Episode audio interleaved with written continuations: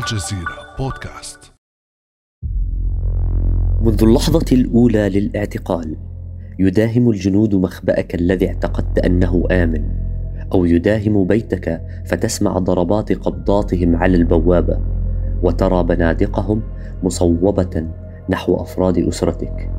بينما والدتك تجاهد أنفاسها تشد بيد غطاء رأسها وتذوذ عنك بالأخرى وأختك الصغيرة أختك الصغيرة تقف مشتوهة وهي تفرك بيدها الصغيرة عينها. وينتصب والدك صارخا في حشد الجنود يزجرهم ويدفع فوهات بنادقهم عن رؤوس إخوتك الذين أمرهم الجنود أن يصطفوا ووجوههم إلى الجدار. كان هذا مقطعا من رواية للسجن مذاق آخر. التي كتبها الأسير الفلسطيني أسامة الأشقر داخل زنزانته. استمعنا إليها بصوت محمد أبو علي أحد رعاة مشروع الأسرى يكتبون. في كتاب صدى القيد للأسير أحمد سعدات الأمين العام للجبهة الشعبية لتحرير فلسطين نقرأ الإهداء التالي. أهدي هذا الكتاب إلى كل من عانى ويعاني أو واجه ويواجه القهر والظلم والاستبداد والتعذيب والعزل والتمييز.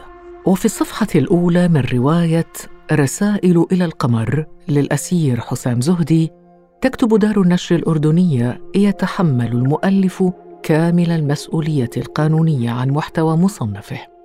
ولا يعبر هذا المصنف عن رأي دائرة المكتبة الوطنية أو أي جهة حكومية أخرى. ظروف استثنائية وعالم غامض يحيط بنشر هذه النوعية من الروايات والكتب فهي تكتب في الخفاء وتخرج في الخفاء لتحمل الألم والأمل. فعما يكتب الأسير الفلسطيني عن أسوار السجن وجدرانه عن الأهل والأحبة عن القيد والحرية عن الحب والحرمان عن تفاصيل الحياة الروتينية خلف القضبان عن الكانتين عن البوسطة وكيف تصل إلينا هذه الكتب والروايات الممنوعة من الخروج؟ وما أثرها على وضعية الأسرى في معتقلات إسرائيل؟ بعد أمس من الجزيرة بودكاست أنا خديجة بن جنة.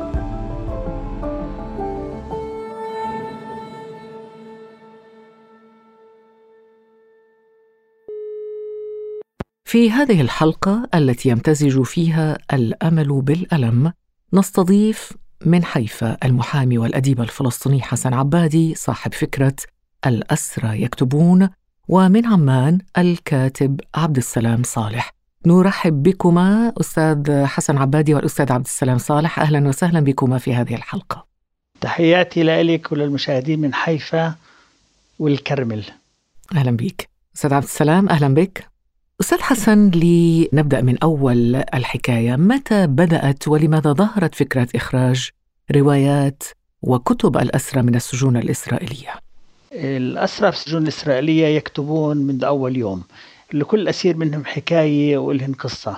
بدأوا يكتبوا لكن كانت المشكلة في تطليع المادة ونشرها بالفترة الأخيرة صار زخم وصار الإمكانيات متاحة أكثر لإلها فإحنا صرنا نسمع عنها أكثر هي موجودة من أول ما بداية الاحتلال وبداية الأسر لكن لماذا يكتب الأسير أستاذ حسن عبادي؟ هل هو توق للحرية؟ يعني مثلا لو أخذنا وليد أبو دقة يكتب في روايته يقول أكتب حتى أتحرر من السجن هل الكتابة مرادف للحرية أو باب يتنفس منه الأسير؟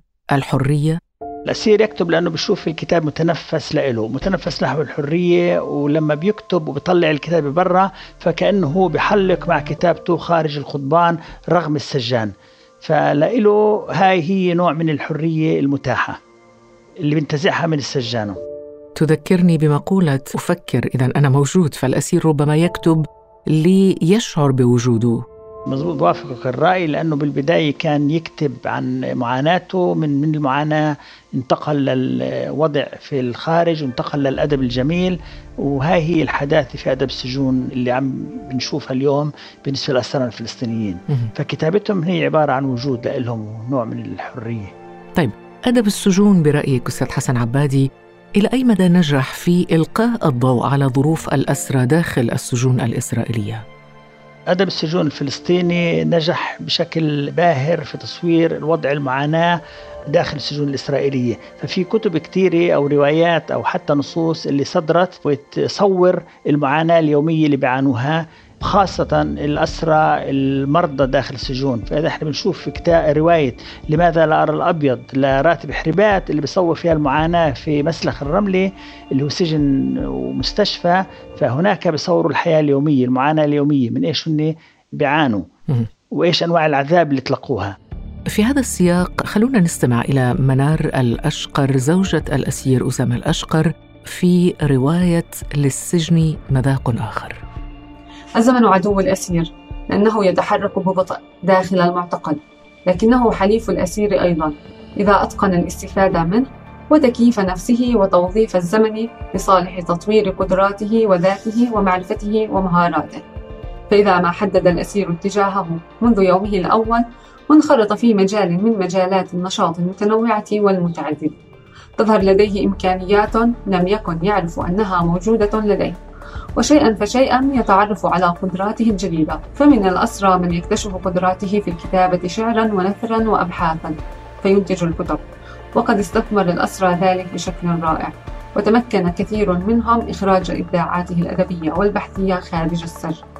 أستاذ حسن عبادي من كلام منار الأشقر زوجة الأسير أسامة الأشقر نفهم أن السجن ربما يكون أيضا فرصة أو مناسبة لتفجير الطاقات والقدرات بالنسبة للأسير الذي لا يكون بالضرورة روائيا أو كاتبا ولكن السجن وظروف الاعتقال قد تصنع منه روائيا أليس كذلك؟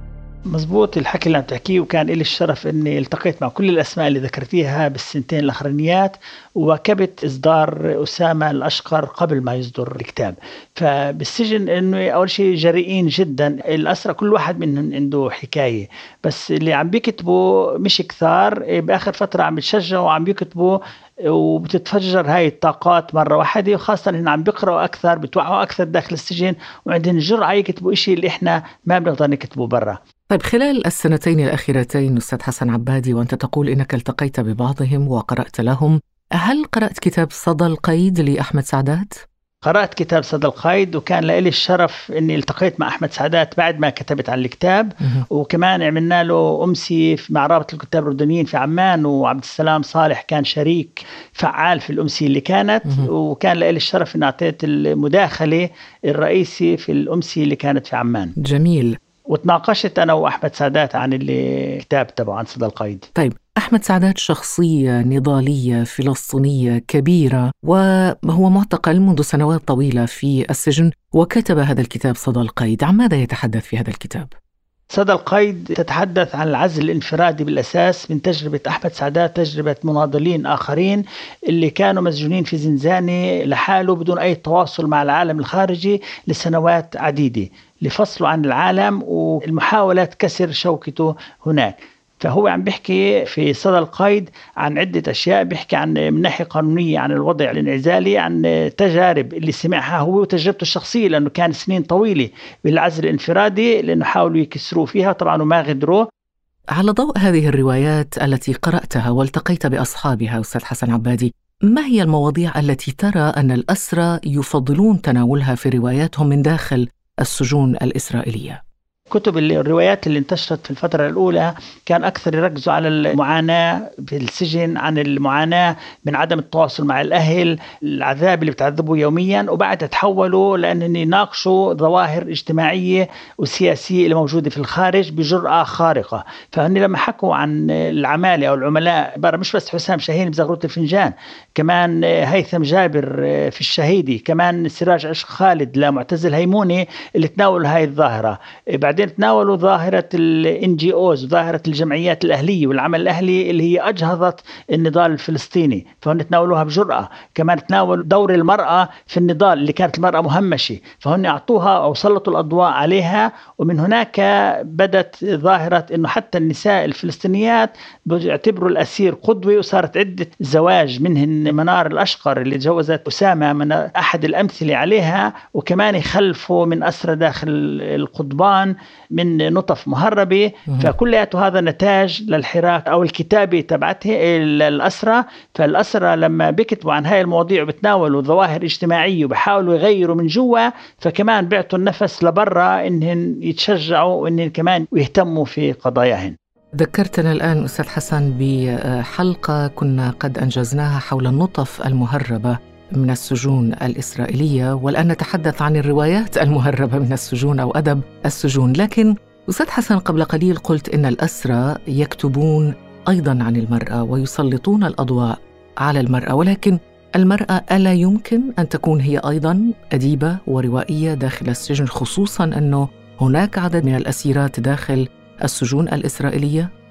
كمان الأسيرات مثل صديقتي عائشة عودي كتبت ثلاث كتب عن تجربتها في الأسر كمان وداد البرغوثي كتبت عن هذا الموضوع كمان نادي خياط اللي صدر لها الكتاب عن المعاناة داخل السجن كمان بآخر فترة اللي عم بتشجعوا وعبير عودي بدأت تنشر اللي كتبته كمان خالدة جرار عم تكتب عن هذا الموضوع عم تكتب عن تجربتها كمان للمرأة في دور أما النشر كان أقل الرائدة في الموضوع كانت عايشة عودي بس اللي حذوا حذوها وبلشوا وبدأوا بالفترة الأخيرة ينشروا اللي ذكرتهن وكلهم مناضلات يعني أسماء معروفة في النضال الفلسطيني لأنه خالدة جرار يعني مناضلة معروفة في الجبهة الشعبية لتحرير فلسطين أليس كذلك؟ مزبوط بس عايشة عودي هي أيقونة النضال الفلسطيني. عايشة عودي من أوائل الأسرى أو الأسيرات اللي انسجنن لسنوات طويلة في سجون الاحتلال وكتبت عن تجربتها القاسية جدا داخل السجن. فأصدرت كتابين الكتاب الثالث لسه بمراحل النهائية اللي كتبت عن هاي التجربة. من بين ما يتسرب من أدب السجون قصص أخرى قصص الحب والعشق والشوق إلى الحبيبة إلى الزوجة إلى الأهل. لنستمع إلى عاصم مخاطبا خطيبته يقول وأنت يا حبيبتي الواحدة والوحيدة يا ظلي الساكن في ربوع الحرية يا صمود الأمل أيام مرت وما بيننا سوى الشوق الملهم بلقاء ما زال يمتد ليغطي مسافات الانتظار الطويلة. زواج سعيد بارك الله لهما. صمود ابنة المناضل الكبير أحمد سعدات.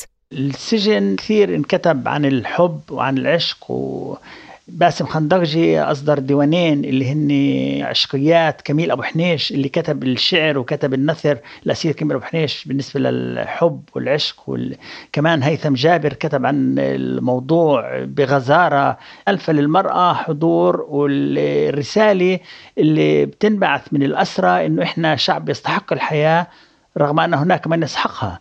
فهن الحياة أو إنسانية الأسرى اللي بحاول العدو يقتلها موجودة في كتابات إن كانت شعرا أم قصص أو نصوص أم آه، روايات اللي هي متواجدة بغزارة. لكن أستاذ حسن تعودنا على قراءة تجارب السجن بعد خروج السجين من سجنه. لكننا هذه المرة أمام تجارب فريدة في أدب السجون. الرواية تسبق صاحبها إلى الخروج من السجن. هل هذه الظاهرة موجودة يعني بقوة الآن؟ الظاهرة موجودة بقوة كبيرة جدا. اللي التقيت معهن لسه موجودين حوالي 30 أسير يكتبون داخل السجون. التقيت مع غالبيتهن يعني يمكن التقيت مع 27 أسير اللي بيكتب. كلياتهم موجودين بالسجن قبل 2002 والأحكام عليهن عالية جدا. فمنهن إذا كميل أبو حنيش التسع مؤبدات و42 سنة أو حسام شاهين اللي ذكرتوه إن شاء الله بيطلع قريب بس 27 سنة منذر مفلح. مؤبداته كمان اللي مؤبدين 11 مؤبد ف طبعا مثل ما أنا حكيت بالأول الكتابه هي متنفس فهن عم بيكتبوها وعم بيطلعوها وتطليعها نوع من الحرية لهم فهن ما بدهم يستنوا التسع مؤبدات عشان يطلعوها لا بدهم يشعروا أحرار اليوم. بدهم يشعروا أحرار كمان لما أمسي لهم في حيفا بشعروا إنهم موجودين في حيفا. كمان بالنسبة في عمان بيكونوا موجودين هناك أو الجزائر لما بلشوا يكتبوا عنهم بآخر فترة. فهي نوع من التحدي نوع من مثل ما أنت حكيت إنه أنا أكتب أنا موجود أنا أكتب وأنشر و بيشعر في نوع من النصر وعلى السجان تبعه لما بينشرها. يعني أيمن شرباتي لما أصدر الكتاب قبل ثلاثة أيام كتابه أسرى وحكايات فلقله امبارح لما كان في الخليل المناسبة كان نصر على السجان وكان حفل لإله. كمان أحمد العارضة مع ديوانه أنانهم لما أهله امبارح شافوا النسخة التجريبية للديوان وهو موجود هناك ومع المؤبدات تاعونه فهذا إشي كبير. فما بدهم يستنوا المؤبدات تخلص بدهم لسه ينشروا ولسه يتحرروا. ومبروك للأسرى الذين اقتربت أو اقترب موعد خروجهم من السجن ونسأل الله أن يفك أسر البقية الموجودين في السجون. بإذن الله إن شاء الله. شكرا جزيلا لك الأستاذ حسن عبادي المحامي الفلسطيني من حيفا والآن نستقبل الكاتب الفلسطيني الأردني عبد السلام صالح وهو أحد أركان هذا المشروع الكبير الأسرى يكتبون. أستاذ عبد السلام أهلا وسهلا بك مرة ثانية. أهلا بك ستي الأسرى يكتبون. يكتبون لماذا؟ يعني لأسباب كثيرة. يبقى الأسير إنسان ومعظمهم مثقفين وعندهم تجارب غنية. يكتب الأسرى كما أي إنسان يكتب لكن الأسرى يكتب ضمن ظروف خاصة وتجربته الخاصة في الأسر لا يمكن أن يعيشها أي إنسان أو كاتب آخر لا يمكن لأي روائي أن يكتب. حتى تستطيع أن تكتب وتصل لعمق الأشياء ولإحساسها الكامل والحقيقي يجب أن تعيش الحالة أو التجربة أو تقترب منها. فالأسرى يكتبون لمجموعة هائلة من الأسباب. بعضهم يكتب لكي يعبر عن ما يدور في داخله عن تجربته. بعضهم يكتب ليوصل مجموعة من الخبرات والنصائح في طريق العمل النضالي الفلسطيني. بعضهم يكتب لأنه مرتبط بالثقافة وبجذر الثقافي الحقيقي ومتواصل مع التجارب الثقافية الإنسانية لأنهم بالأسر هم قراء حقيقيين وقراء نهمين وعندهم مكتبات عظيمة. فهم يتفاعلوا وبعضهم يتفاعل مع المنتج الإبداعي الإنساني بشكل عام وبعضهم يضمنها تجاربه الخاصة ويعكس الوضع والحالة الفلسطينية بخصوصيتها الكاملة والعظيمة ونضالاتها المميزة. إذا ربما الأسباب تتشابه مع أسرى يعني آخرين في أماكن أخرى وفي دول أخرى وفي قضايا ربما مختلفة ذكرتني الآن أستاذ عبد السلام بقضية محمد ولد صلاحو محمد كما ينطق بالموريتاني. محمد ولد صلاحي قبل أيام أنجزنا معه حلقة حول تجربته في غوانتنامو خلف القضبان في هذا المعتقل سيء السمعة والصيت. وفي في المعتقل في غوانتنامو كتب هو أيضا كتابا تضمن سيرته الذاتية وتحول إلى فيلم في هوليوود. وكان هذا الكتاب سببا في الضغط لحل قضية محمد ولد صلاحي الموريتاني. بالنهاية السبب واحد الحرية. هناك طوق للحرية طبعا عند الأسير بالضرورة خصوصا أن إحنا كشعب فلسطيني مبتلين في آخر احتلال على وجه الأرض من آخر احتلال موجود على وجه الكرة الأرضية. وأسرانا للأسف ما بيتم فيهم الاهتمام من قبل الجهات الرسمية والمؤسسات الثقافية الرسمية كما ينبغي يعني رغم أنهم ضمير وبوصلة وجوهر وجزء أساسي من صراعنا مع الاحتلال فيفترض نهتم فيهم أكثر عبر المؤسسات والهيئات الثقافية الفلسطينية والعربية. وشكرا لكم على مبادرتكم في تسليط الضوء على تجربة الأسرة وكتابات الأسرة هذا واجبنا طبعا. أستاذ عبد السلام ربما أنت كونك كاتب فأكيد أنك تلتقي بالناس وتستمزج ربما ردود أفعالهم حول كتاب صدر رواية صدرت أي نص من داخل السجون. كيف يكون عادة تفاعل القراء مع كتب وروايات كتبها أسرى محكومون بالسجن لعشرة سنين أو حتى بالمؤبد أحيانا لمئات الأعوام. سؤال جميل جدا. أنا شخصيا أعترف أني تفاجأت في مستوى كتابة الأسرى وفي مضامينهم وأشكال الكتابة. أنا وكتاب آخرين حكيت الأستاذ صلاح أبو والأستاذ أحمد أبو سليم الأستاذ الكبير رشاد أبو شاور تفاجأنا جميعا ككتاب وكروائيين.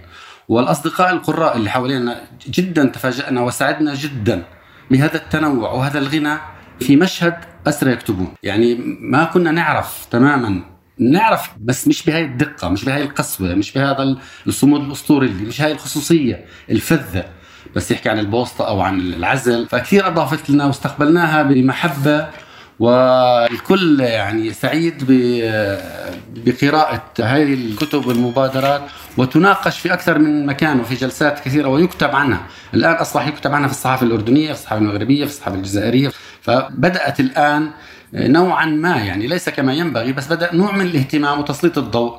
والحمد لله كان إن إحنا ساهمنا بجزء والشكر اولا وأخيرا لمبادرة الأستاذ حسن عبادي هو اللي بادر. وإحنا التقطنا المبادره وكملنا في مجموعة أكثر من قراءة. وفي رابطة الكتاب الاردنيين. ما نوع الكتابات التي تلقى ربما صدى أكبر لدى الناس من غيرها؟ بصدق ما يدور حول تجربة الاعتقال تحديدا بتفاصيلها هاي الناس تتلقاها بلهفة وبتفاعل كبير جدا لكن أيضا ما يبهرنا إحنا ككتاب وكقراء مهتمين في العمل الروائي حين يخرج ويضيف الروائي من ثقافته من فكره من وعيه من تجربته الإنسانية العالية العربية والعالمية ويربطها في معاناته الإنسانية داخل الاعتقال. في أربع خمس كتاب يعني منهم كميل أبو حنيش باسم خندقجي منذر بفلح مجموعة من الأسرى كتبوا أعمال روائية مكتملة محققة شروطها الفنية كاملة ذات سوية إبداعية عالية جدا بالنسبة للشكل للمضمون لكل تفاصيل العمل الروائي فأبهرونا في الاقتراب من هاي المفاهيم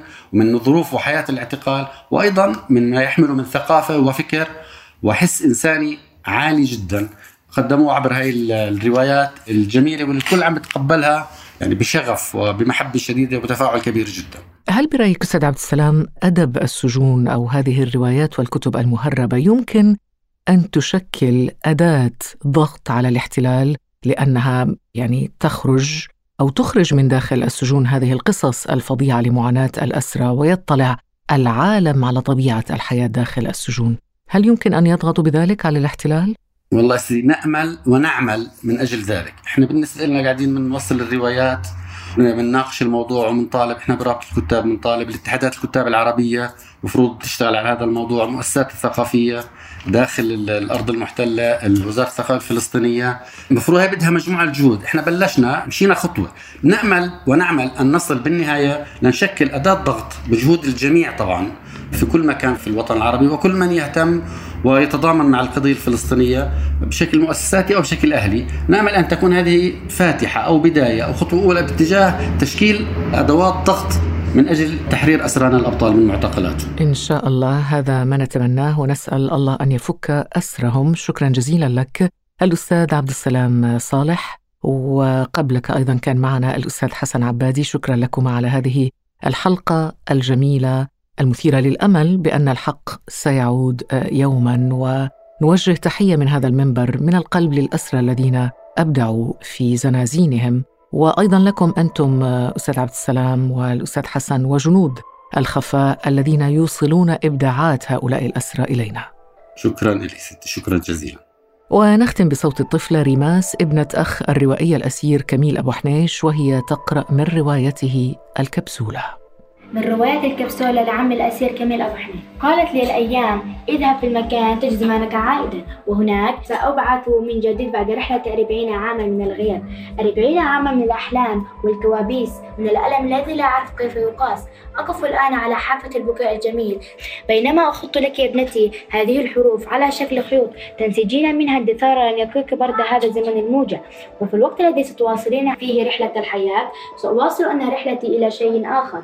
شيء لا أعرف إن كان حياة أم موتا كان هذا بعد أمس.